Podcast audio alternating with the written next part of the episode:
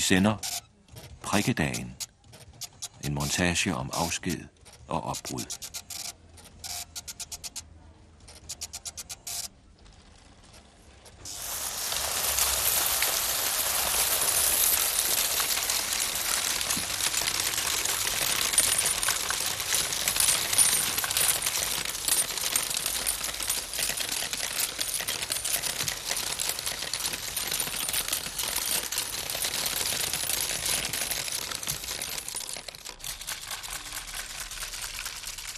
Min sidste dag i banken, den vil jeg nok huske som noget specielt. Det virkede så uvirkeligt, at, at nu var det sidste gang, man faktisk skulle træde ind af alle de døre, når vi gik ud af dem om aftenen. Skulle vi aflevere vores kort, og så kunne vi overhovedet ikke komme derind, uden der var nogen, der kom og lukkede os ind. Og da vi var mødt op alle sammen, så samledes vi om morgenkaffen, og vores chef han havde købt rundstykker, og vi sad og snakkede og prøvede at lade være at tænke på, at det var den sidste dag. Altså, vi skulle gerne have det hyggeligt. Det skulle ikke være sådan, at det skulle være så sørmodigt det hele. Og hvor jeg normalt gik i lange bukser, så skulle jeg altså have ned af den bog.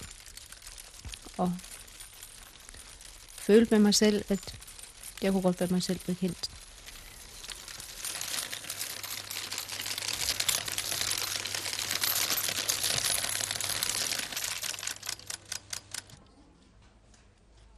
Været ansat i bankvæsenet i 27 år, men det er hun ikke mere.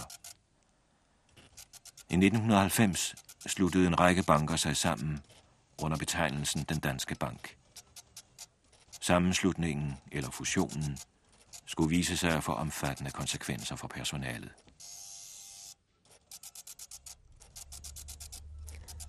Øh, selve fusionen blev bestemt i december 89, men den officielle dato var den 6. i 4. 1990. Og jeg husker den så tydeligt, fordi det var dagen før min fødselsdag. Og egentlig skulle jeg have fejret min fødselsdag den dag. Det ville jeg ikke. Det ventede jeg med til om dagen, fordi jeg synes ikke, der var så meget at fejre. Og nu stod det hele i fusionstegn, og man havde skiftet skiltene ud over alle dørene. Og kort tid før, at selve øh, den officielle fusion skete, der havde vi holdt en slags afskedsfest. Og der var et par stykker, der var ude og tage billeder tidligt om morgenen, inden der kom alt for meget trafik, så man kunne stå ned foran banken og tydeligt se, så man kunne tage nogle gode, tydelige billeder, hvor der kunne se vores gode gamle bygning, hvor der stod provinsbanken henover og med vores logo og det hele.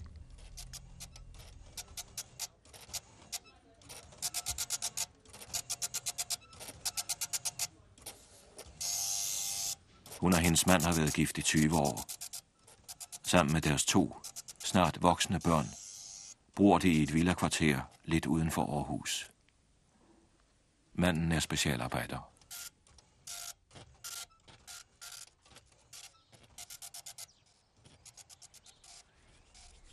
Mens det hele det stadigvæk fungerer, ikke med konen havde arbejde, og knejderen, de gik i almindelig skole, og så noget, at jeg kom hjem klokken to, eller sådan noget, noget af det bedste, det var sådan set gå ind og sætte sig i sin stol med et kop kaffe, og så tage BT, og så lige blade det igennem, så kom man halvvejs ind i BT, så sagde man og sov en halv times tid, eller sådan noget, så den mindste knejder, det tager en halv time, tre kvarter med at dele ud med aviser, og så kom han hjem med aviserne, ikke? og så vågnede man, og så var man klar. Så var det ligesom, det var starte helt forfra. Arbejde, det var væk. Arbejde, det var sådan set en by i Rusland. Og den havde ingen interesse igen før mandag morgen. Og så kunne man vågne op og være kvik og alt det der. Så gik man ud og rådede ud i haven og gjorde ved, hvad man nu ellers havde lyst til, eller hvad man skulle, eller på den måde. Altså selve den dag, hvor, hvor de skulle komme og præge os, eller give os kniven, eller hvad vi nu skulle kalde det, den var altså stå og vente og vente. Og se, de kommer og parkerer nede i gården. Men at de er så flinke at gå over i en anden afdeling først, så vi bare kan stå og vente og lukke op. Og ikke vide, hvornår træder de ind, fordi vi har jo set, de er der. Så de kommer altså lige om lidt. Og pludselig så kommer de så gående ind ad døren. Og vi står med kunder alle sammen, kan bare skimpe dem ud af øjenkrogen. Og hvor de så også skal rundt og give hånd pænt. Og jeg stod og ekspederede og ekspederede, og kunne ikke komme af med de her kunder, så jeg kunne se, hvad pokker der nu skulle ske. Fordi altså, noget skete der jo, det var man jo godt klar over, men jeg kunne ikke se, hvad der skete, for jeg kunne ikke bare vende mig rundt. Og der blev ved med at komme kunder. Så jeg så heller ikke, hvem der var kommet derind først. Men øh, jeg kunne høre, jeg havde så fået det oplyst af, af hende, min kollega ved siden af. Og der var gået et stykke tid, der kunne jeg så også høre vedkommende komme ud og gå et andet sted hen. Jeg kunne høre hans stemme. Og så vidste jeg, at nu må næste jo så komme. Og er det så dig? Så vil jeg gerne af med de kunder der, så de ligesom kunne blive overstået. Og så blev det så et hul, hvor så bestyren kommer hen og siger til mig, om jeg har tid. Og så går jeg jo så pænt ind i skafottet. Sådan føles det der i hvert fald. Den aften, hun kom hjem og fik at vide, at hun virkelig var prikket. Hun havde snakket en del om det, fordi jeg ved ikke, og en del af de ting, der har været snakket om efter,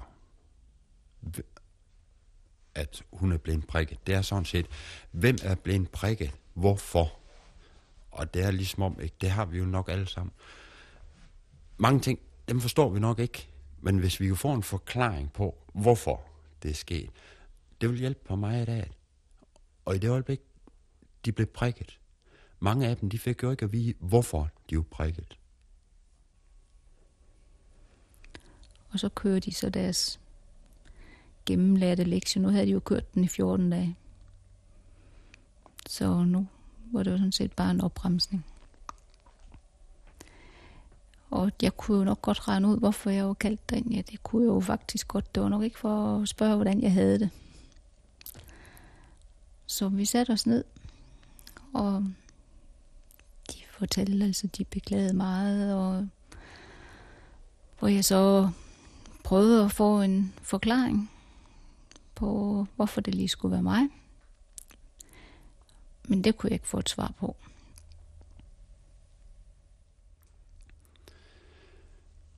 Og haven, grov sagt, det har trods alt en vis tilfredsstillelse også ved at bo her. Og jeg har den der med, at man en tur rundt i haven, ikke, når man kommer hjem. Og det kan godt være, at det ikke betyder noget, men det gør det altså for mig. Og man kan jo lave om på det hele tiden. En have, man, man bliver aldrig færdig med en have. Som Ryger han siger ikke, man har den ikke, og man laver den, så får man nye idéer, man laver dem ikke, og det kører bare derud af. Og man kan gå ud, ikke? Altså, jeg må indrømme, om vinteren, jeg har samtidig gået ud med lomlygten, fordi det er mørkt, når man kommer hjem, gået ud med lomlygten, Hov, hvad er det grund sket der siden i går? Om foråren, ikke? Altså sådan noget som kejserkroner, det kommer op en enorm tyk sting, og der har man frost, og så lægger han sig bare hen af jorden. Og dagen efter, der er det ikke frost, der står han fint op igen. Hvordan kan det lade sig gøre? Alt muligt andet. Det, I det øjeblik, hvor det ligger sig ned, det kommer aldrig op at stå igen.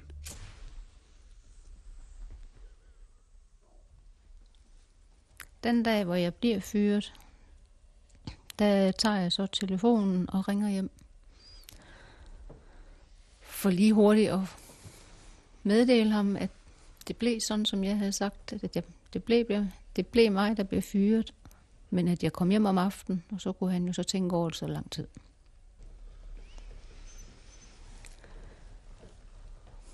Og da jeg kommer hjem, så er han da så flink nok til at lade være at sige velkommen i klubben, fordi altså, som, han var ikke selv arbejdsløs, men altså kunne risikere at blive det.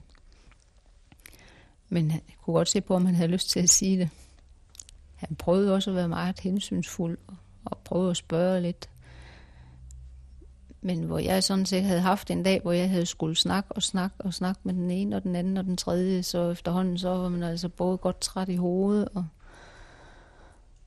og havde svært ved, det kom nok sådan mere eller mindre væltende med navne, som han ikke kunne forholde sig til. men hvor han egentlig bare kunne have, have lå, altså, lukket af, og så hørt efter, men brød ind hele tiden for at ville høre om, hvem det var, og hvorfor, og, og så sidst, så blev jeg bare simpelthen så irriteret, så jeg kunne ikke se, at vi kunne snakke om det alligevel, fordi han gad jo ikke høre efter. Altså, jeg tror faktisk, at selve banken, den hang ham langt ud af halsen, for selvfølgelig kunne det ikke undgås. Jeg havde snakket en del om det, eftersom vi skulle gå og vente så lang tid. Og der skete ikke noget, og så jamen, var det så næste dag, det skete, og så videre. Så på den måde, altså når, når jeg ligesom følte, at han ikke kunne lytte, jamen så, så opgav jeg, så, så gad jeg ikke snakke med ham, så ringede jeg til nogle kolleger i stedet for at snakke med dem. Så han kom aldrig helt ind i, med ind i selve ved, ved hele situationen op til, for til sidst, der gad jeg slet ikke at snakke med ham om det mere. Og jeg vil ikke, jeg har aldrig sagt, at bankfolk, de er forkælet, ikke? I forhold til et job. Men det har nok skinnet igennem. Og det skinnede i hvert fald igennem dengang med såkaldt store prikkedag. Fordi vi har været på vores respektive arbejdspladser omkring lige lang tid, altså på den anden side af 25 år. Og den der firma, de trætter mig, så er det ja, skrub af hår til. Og så har man noget, der ligner en to-tre måneders løn. Og det er jo så, at jeg er ude af arbejdsmarkedet. Og det kan jo godt være bare, fordi direktøren ikke kan lide mig.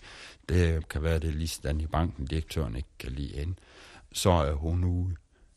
Men nu kommer hun ud sammen med så mange andre. Og efter min bedste overbevisning, så har de jo faktisk, når de endelig skulle fyres, så har de skulle have fået en god aftrædelsesordning.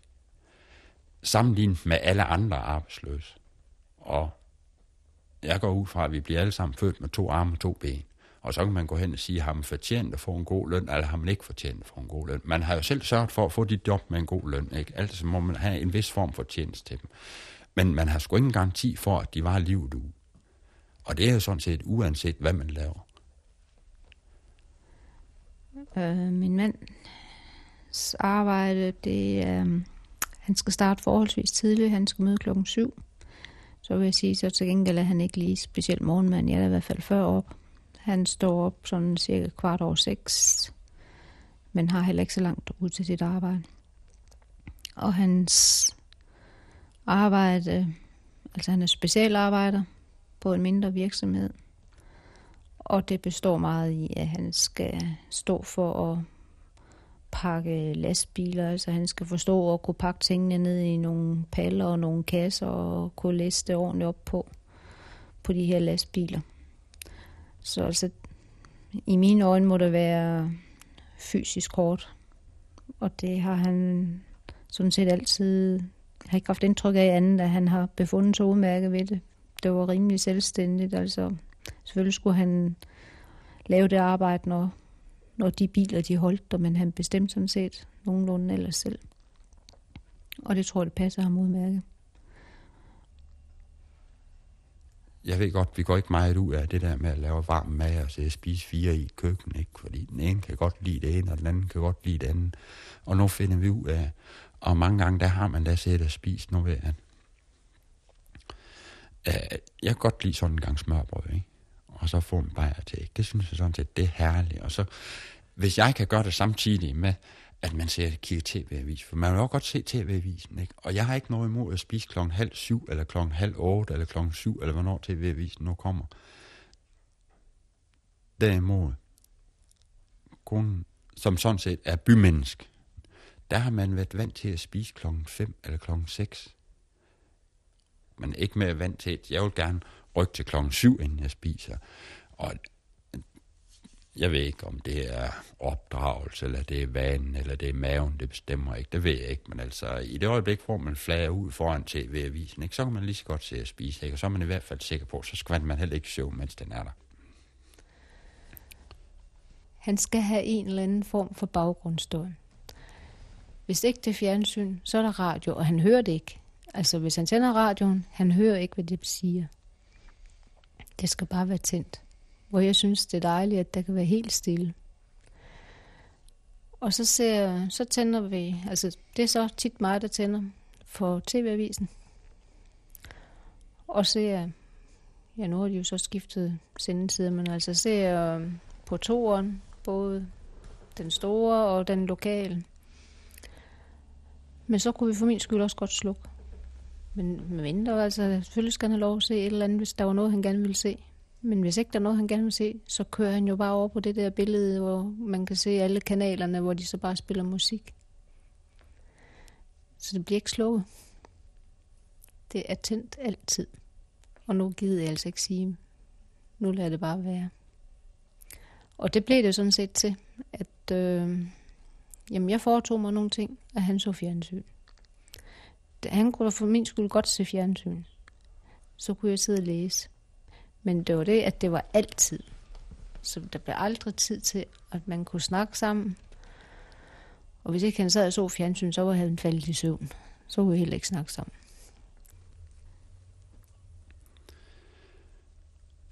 Jeg har hele tiden tro på, at jeg boede her, ind til man blev flyttet på plejehjem. At det har i hvert fald været mit udgangspunkt. Mens hun nok gerne have ville have været ude og prøve noget nyt. Og som vi snakkede om den anden dag, det gamle kendt, det er sådan set det rareste, du går i. Jeg har hus, og jeg har have, og jeg ved, hvorfor det ser sådan ud, som det ser ud. Fordi man har levet med det i så lang tid, og igennem så lange perioder, og man har meget af det, har man også selv bestemt, hvorfor det ser sådan ud. Men der har hun nok mere med, prøv noget nyt, prøv noget andet. Og det er derfor, i den her situation, at hun skilles og prøver noget nyt. Hun er tvunget til at prøve noget nyt rent arbejdsmæssigt. Hvorfor delen så tage de andre problemer oveni?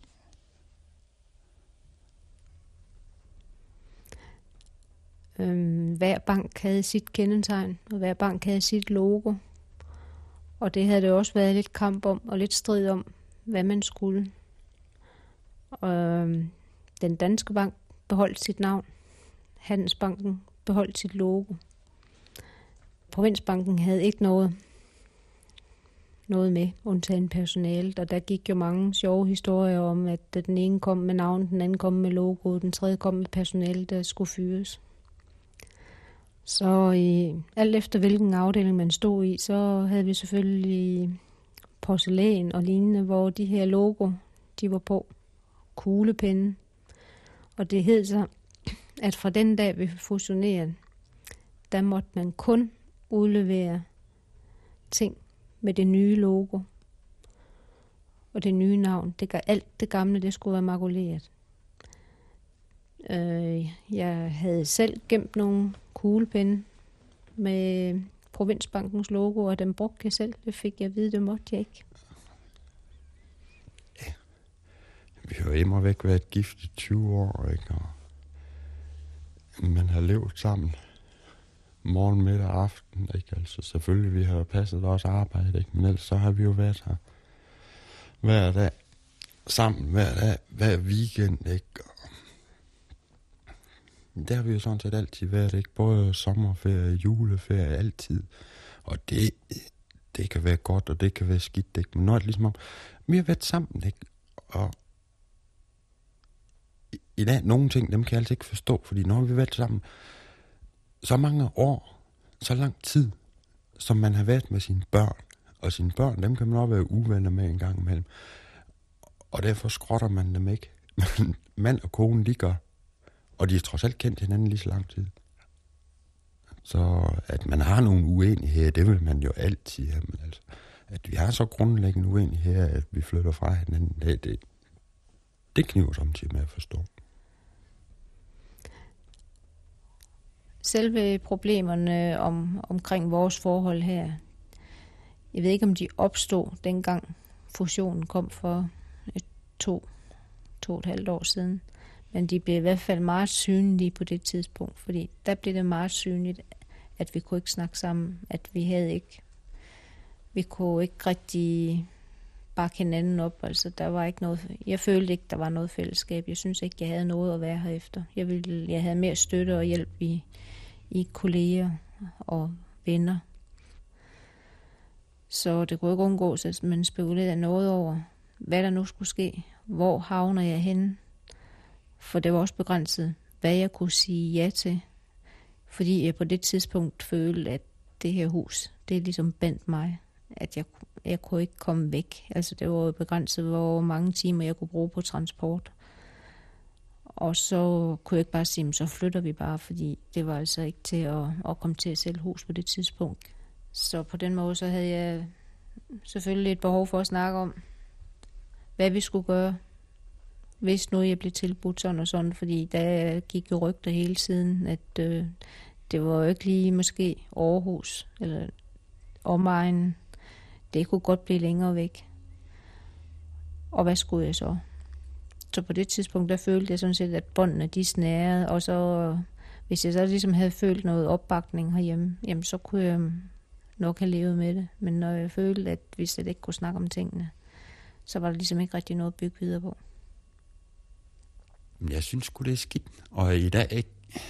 Jeg har sådan set ikke fattet det endnu. Men det må jo... Det bliver jo realistisk. Og hvad, hvordan det så bliver, det... Man kan tænke sit, ikke? Og så går man hen og siger, nå ja, det, det går nok ikke. Men jeg ved ikke, om det går nok. Men altså, det skal jo køre, ellers så må man stille noget andet i stedet. Og det er jo så det, lige her og nu, så går man hen og siger, at det er, det er det næste halvår, det skal vise. Men det kan være i løbet af, af marts morgen, man går helt i spånd over det, ikke? det ved jeg ikke, og så render sin vej af. Men altså, det må man jo finde ud af hen ad vejen. Der er jo ikke andet at prøve til. Jeg ved, hvad jeg har, og jeg ved, at jeg ikke kan beholde det. Og så må man håbe på, at man får det, man kan sætte i stedet. Det er det der med at leve alene, og så kan jeg accepterer, at man sådan set har så meget plads. Fordi jeg kan ikke gå hen og sige, at den halvdel af huset, der, den er jeg ikke interesseret i. For den er her sgu. Og det kan jeg ikke slippe for. I dag der har man en klokradio. Og jeg har en dreng, det går med Jyllandsposten. Han er så op klokken halv fem om morgenen. Kommer hjem klokken halv syv. Der er ligesom klok, fra klokken halv fem af om morgenen, der sker det noget i huset. Det er ikke bare dø. Ja, og altså, lyset bliver tændt både her og der, ikke? Og når det er den største knejderen, han har altså det der med, ikke? Jeg tror, Gud hjælp mig ikke, han kan stå op undtage en fjernsyn, det skal tændes, ikke? Så skal han enten se den ene eller den anden kanal, eller også så skal man have på øh, tekst-tv på, hvordan de italiensk fodboldkamp eller engelsk fodboldkamp, de gik, og det skal ind. Ikke? Så er det ligesom om, man har et hus, der er liv i. Døren, den er åben, du kan gå ind, den ene eller den anden ser. Og der, der vil altid være liv i huset. Men når jeg kommer hjem, og jeg er alene der, der er jo ikke noget, der giver afbræk. Og jeg ved ikke, hvordan. I dag, jeg ved ikke, hvad det vil ske med en. Jeg ved det ikke.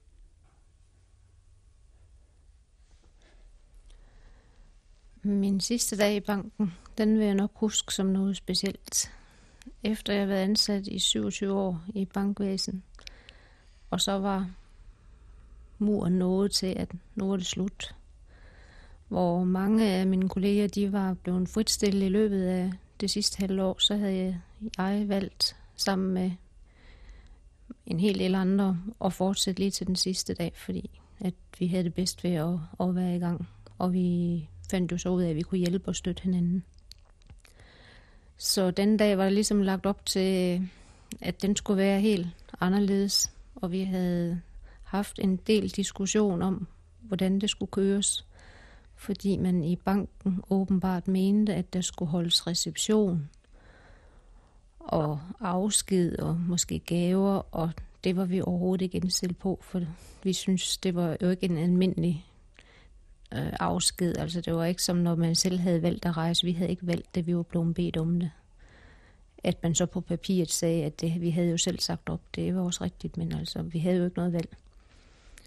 Så allerede øh, dagen før, der havde vi faktisk afsluttet vores arbejdsopgaver og pakket væk og taget vores ting med hjem. Så det ligesom lå i luften, at vi skulle faktisk ikke arbejde den dag. Vi skulle bare være sammen. Vi ville nyde at være sammen.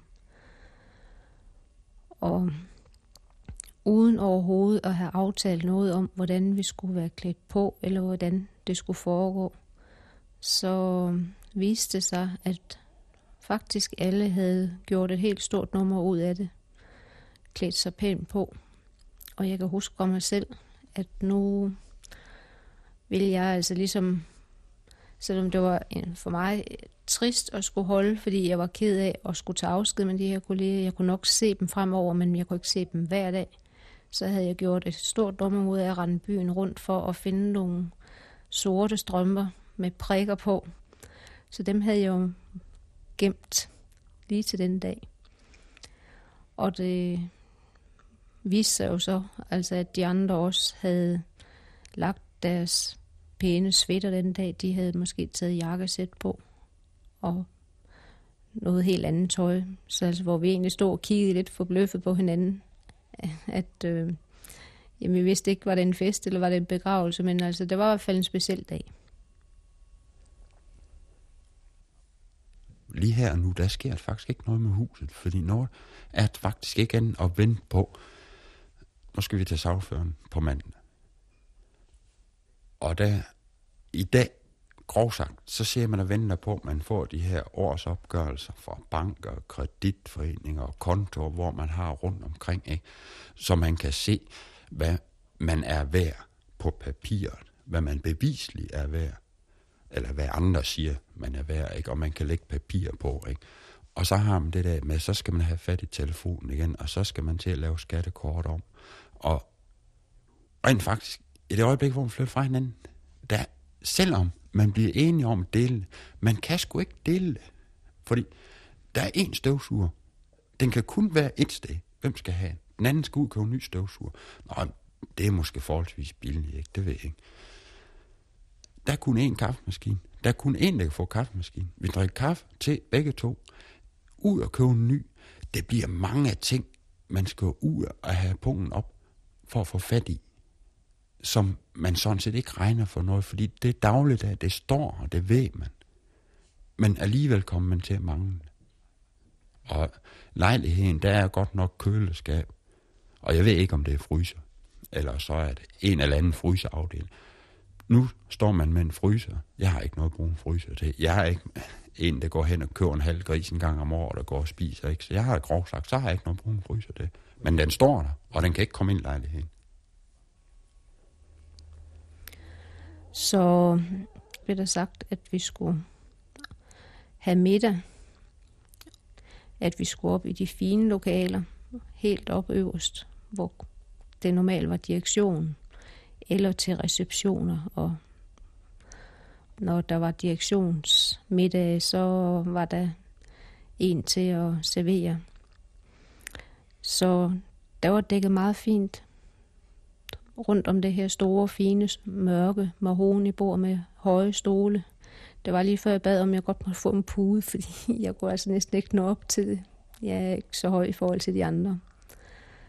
Og vi satte os så pænt ned der og ventede på, hvad, hvad der nu skulle ske. Og vi havde kun gået med til det der, hvis at vi kunne blive fri for, at der var nogen af de høje herrer, nogen fra direktion og lignende, der følte, at de skulle komme ind og, og hilse på os. For hvis de gjorde det, så, vi, så havde vi aftalt, så skulle vi altså alle sammen på toilettet, så ville vi ikke være der. Men vi satte os ned, og der blev hældt vin i glasene, og sagt velkommen, og der blev serveret en forret. Så vidt jeg husker, så var det noget med nogle krabbekløer og noget salat og flyt. Og vi havde det som rigtig hyggeligt, hvor man godt kunne have frygtet, at det havde blevet, altså det kunne blive noget forfærdeligt sørgeligt noget, fordi nu det er så det sidste måltid i banken. Men øh, der er jo altid nogen, der er lidt bedre til at, at køre sådan noget op, så det kunne blive lidt sjovt at fortælle lidt historie.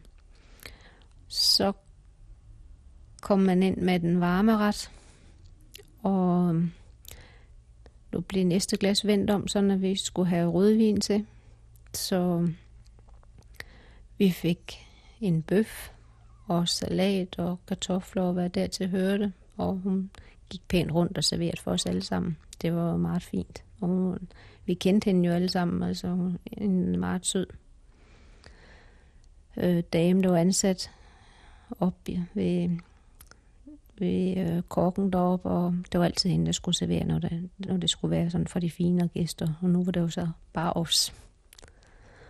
Men øh, og vi havde som dårligt taget bare en mundfuld af glasset før, så var hun rundt med flasken en gang til, så altså, man kunne være blevet slængeren beruset, hvis man ikke havde passet lidt på. Vi skulle gerne have resten af dagen med os. Og der blev som også serveret øh, cigaretter og cigarer. Og hvor jeg ellers ryger et meget specielt mærke og ikke er særlig vild med, med de der andre cigaretter. Så synes jeg, nå, måtte jeg da hellere tage en af deres også lige den dag. Det lå i, i sådan et etui, som havde tilhørt Provinsbanken, og det var, så ville jeg da i hvert fald gerne have sådan en cigaret. Og så sad vi jo så og hyggede os og snakkede, og havde altså nogle gode timer der, inden at vi brød op, at nu måtte vi så hellere gå ned på vores egen pladser igen dernede, de sidste timer, der nu var tilbage. Så og vi kunne bare rejse os. Der var ikke noget med i dag, der var det ikke inde i, i frokoststuen. Vi skulle ikke selv slæve porcelænet hen. Vi kunne bare forlade bordet, så blev der pænt ryddet op efter os. Nu ved, at man går hen og bliver alene. Den første morgen, der vil... Jeg kan jo selvfølgelig ikke sige, om det er en morgen eller hvad det er. Men i hvert fald i starten, indtil man finder ud af, hvordan og hvorledes det hele det kommer til at køre der vil man jo nok have den tendens til, at, at man står op om morgenen, går på arbejde, kommer hjem, og i hvert fald her den første morgen, der bliver det jo en masse med at rydde op og få åren ligger, og lige pludselig hus, det bliver tom, ikke? Men altså, jeg kan sige, jeg kan starte på forårsrengøringen i februar morgen, ikke? og så få det overstået til ordentligt ud og finde ud af, om man kan få det til at hænge sammen økonomisk. Blandt andet også, ligesom man sagde før, ikke? med kaffemaskiner og støvsug. Det kommer garanteret flere andre ting, som skal ordnes. Samtidig med, at det bliver en masse huller, ikke? Altså, nu har man et skin, der hænger på væggen der. Hvordan kommer det til at se ud? Kommer der sådan en stor lysplet bagefter, så skal man til at tænke på at tapacere. Og, altså, det bliver en masse ting at sige. Men ellers, det første stykke tid, der vil man jo stå op, tage på arbejde, komme hjem, og så få sin sine sager, og gå i seng, og stå op og gå på arbejde. Og så vil jeg våge påstå, så kommer det til at gå fem dage om ugen. Og så bliver det weekenden, hvor man kommer uden for sin hæk og ser, om verden den stadigvæk består. Og et eller andet tidspunkt, der går man ud fra, der begynder det andet år at fungere. Men gør det. Altså, kommer man uden for hjemmet, eller kommer man til at omgå andre, eller bliver det kun sig selv og dem, man er på arbejde sammen med? Eller er den verden der imellem os? Det ved jeg ikke. Ja, nu nærmede vi så øh, slutningen på dagen, så nu begyndte det at blive lidt, lidt mere, altså nu begyndte tankerne igen at melde sig, at nu er det ved at være slut, nu, nu skal du snart gå ud af den dør derhen. Og man kunne mærke på alle, der var ikke rigtig nogen, der havde lyst til at rejse sig, hvor mange før tiden, så når klokken blev 3.30, så skulle de måske lige et eller andet andet, selvom vi egentlig først skulle gå klokken 4.30. Men den dag, der var der ikke rigtig nogen, der gik. Der blev vi siddende alle sammen, indtil klokken var omkring fem. Så kunne vi ikke trække det længere, for om ikke andet, så ham der var vores chef, så skulle han jo i hvert fald til afsted. Og vi skulle aflevere vores kort til ham. Og det var så lidt forskelligt, hvordan vi gjorde det. Jeg havde altså bestemt mig, at øh, mit kort, det skulle de ikke have. Det, jo, de skulle have det, men de skulle ikke have det, så de kunne bruge det igen. Så jeg havde gået hen og klippet huller i det. Og en af mine andre kolleger, hun øh, hørte ikke til nede i vores afdeling, men var kommet til der om eftermiddagen. Så hun havde været nødt til at tage sit kort med, for ellers kunne hun ikke komme ind til os. Og hun var nødt til at beholde det, indtil at vi trådte ud af døren. Så stod hun med det mellem fingrene, og sådan bøjede det lige så forsigtigt, og sagde hen mod vores chef, tror du sådan et kort, det kan knække? Ja, det mente han godt, det kunne. Så pressede hun lige lidt ekstra på det, så sagde det også knæk, og så var det i to dele, og så gik hun hen og afleverede det.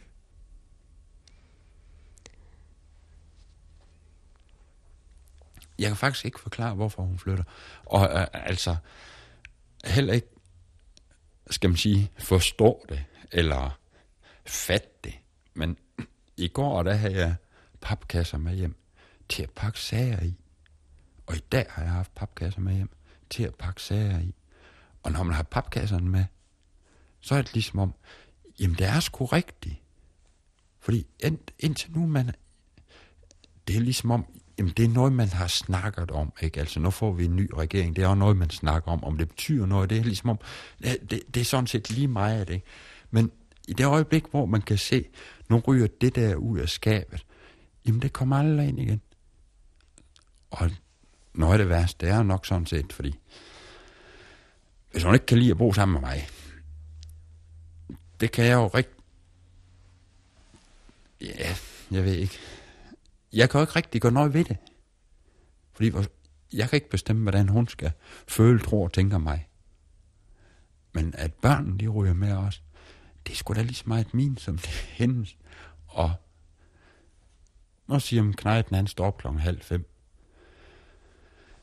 Og ja, den mindste knejderen, han har jo et fjernsyn, hvor det er timer på, ikke? hvor han, er nogle af han set den film færdig, ikke? og hvis han skulle have det søvn, så gør det ikke noget, så sætter han til at selv slukke. Ikke?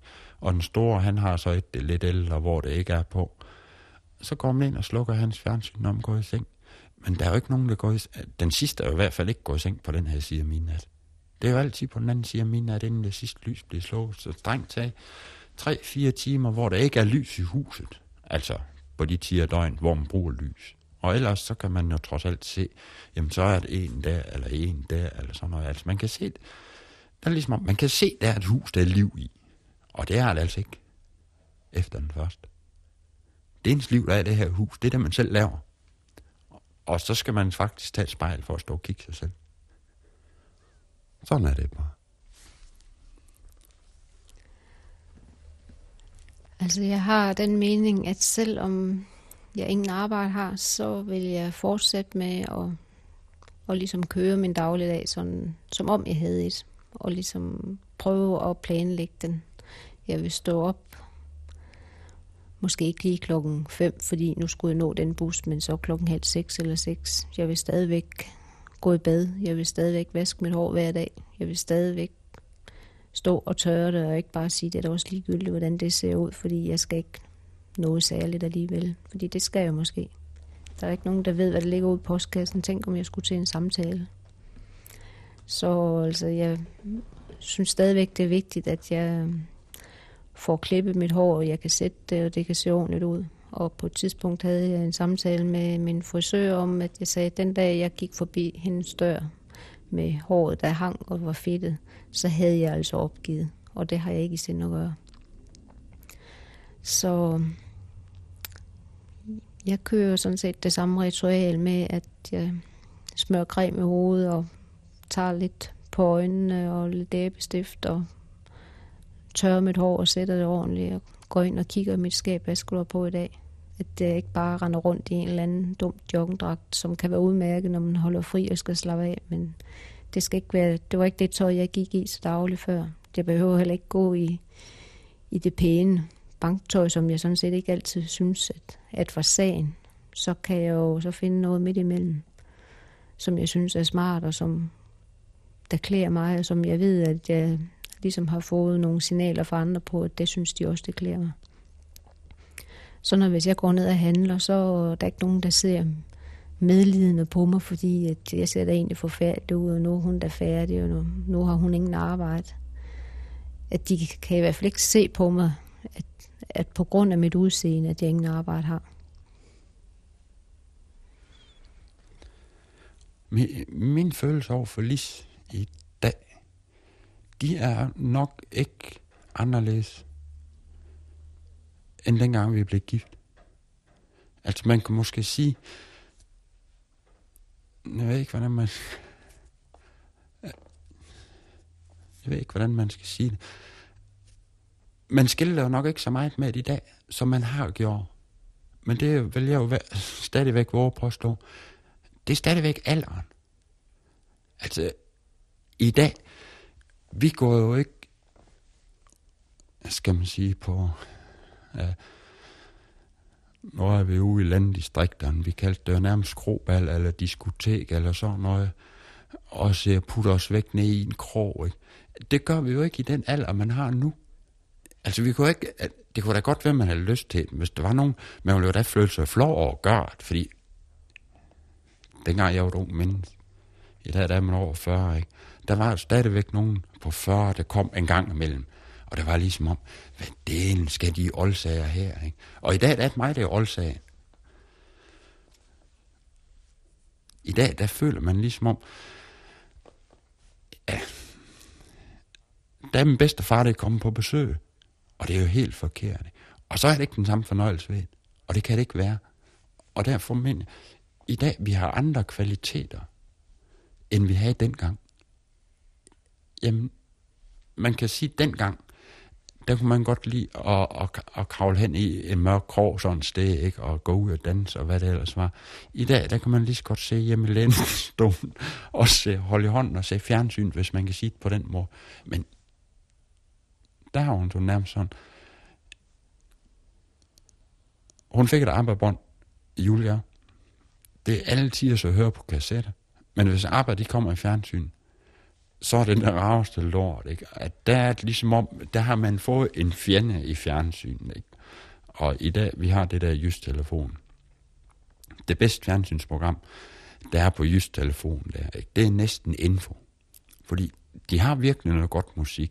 Og, og jeg tager bare musik, det, øh, det er baggrundsstøj. Det er ligesom om, det er der. Og jeg synes virkelig, der er noget godt musik der. Jeg siger farvel til et parcelhus, som jeg har boet i i 12-13 år.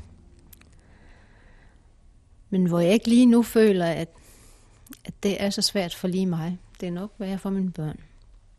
Fordi de har ikke prøvet så meget andet, altså, end at bo her. Altså, jeg vil ikke sige, at jeg kan være glad for at bo i huset, men altså huset har heller ikke betydet en hel masse for mig. Jeg har altid vidst, at hvis der skete et eller andet med min mænd, så blev jeg ikke i huset, fordi det kunne jeg slet ikke tænke mig. Jeg kunne ikke tænke mig at bo i et hus alene, og have en have, så gå og passe og sådan noget. Det, det, det ville jeg slet ikke. Jeg ville hellere bo i en lejlighed. Men derfor er der ingen tvivl om, at i det øjeblik, jeg begynder at rydde ud i skaber og skuffe, så vil der, der komme en masse minder og ting og sager op, når man kommer ind i alt det bageste, som man har haft måske i alle de her år. Så altså, det kan der ikke undgå, altså, men man vil sidde og føle lidt underligt indimellem. Men altså, altså, jeg regner egentlig ikke med, at det skulle blive det store problem, men jeg kan jo ikke sige, hvordan jeg vil reagere på det.